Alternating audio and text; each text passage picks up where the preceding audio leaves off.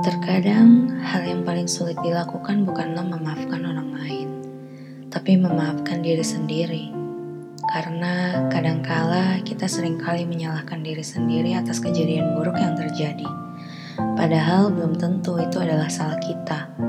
Mungkin kita sudah mengusahakan sebaik-baiknya. Namun memang mungkin hal itu bukan untuk kita.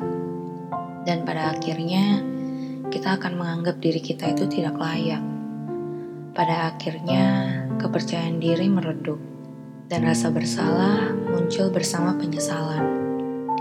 Seperti residu yang terus-menerus menumpuk, yang pada akhirnya kumpulan residu itu akan membunuh kita secara perlahan.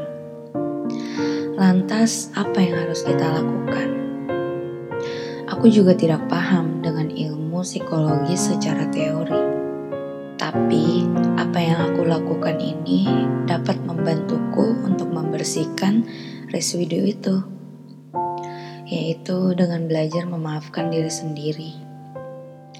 Jika Tuhan saja mampu memaafkan kita yang berdosa, tak ada salahnya untuk kita memaafkan diri sendiri.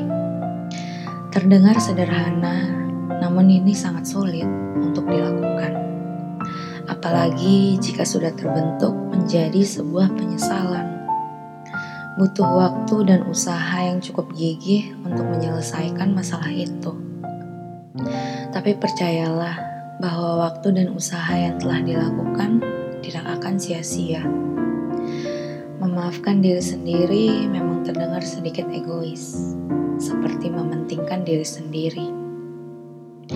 Tapi Bukankah kita memang harus menjaga diri sendiri sebelum kita berinteraksi dengan manusia lain?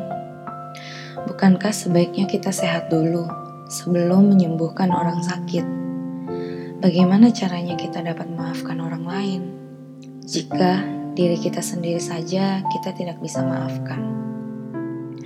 Mungkin memang rasanya lebih mudah untuk memaafkan yang lain daripada diri sendiri namun mungkin maaf itu tidak artinya jika kita belum bisa memaafkan diri sendiri. Memaafkan diri sendiri mungkin adalah cara sederhana untuk menenangkan hati dan pikiran.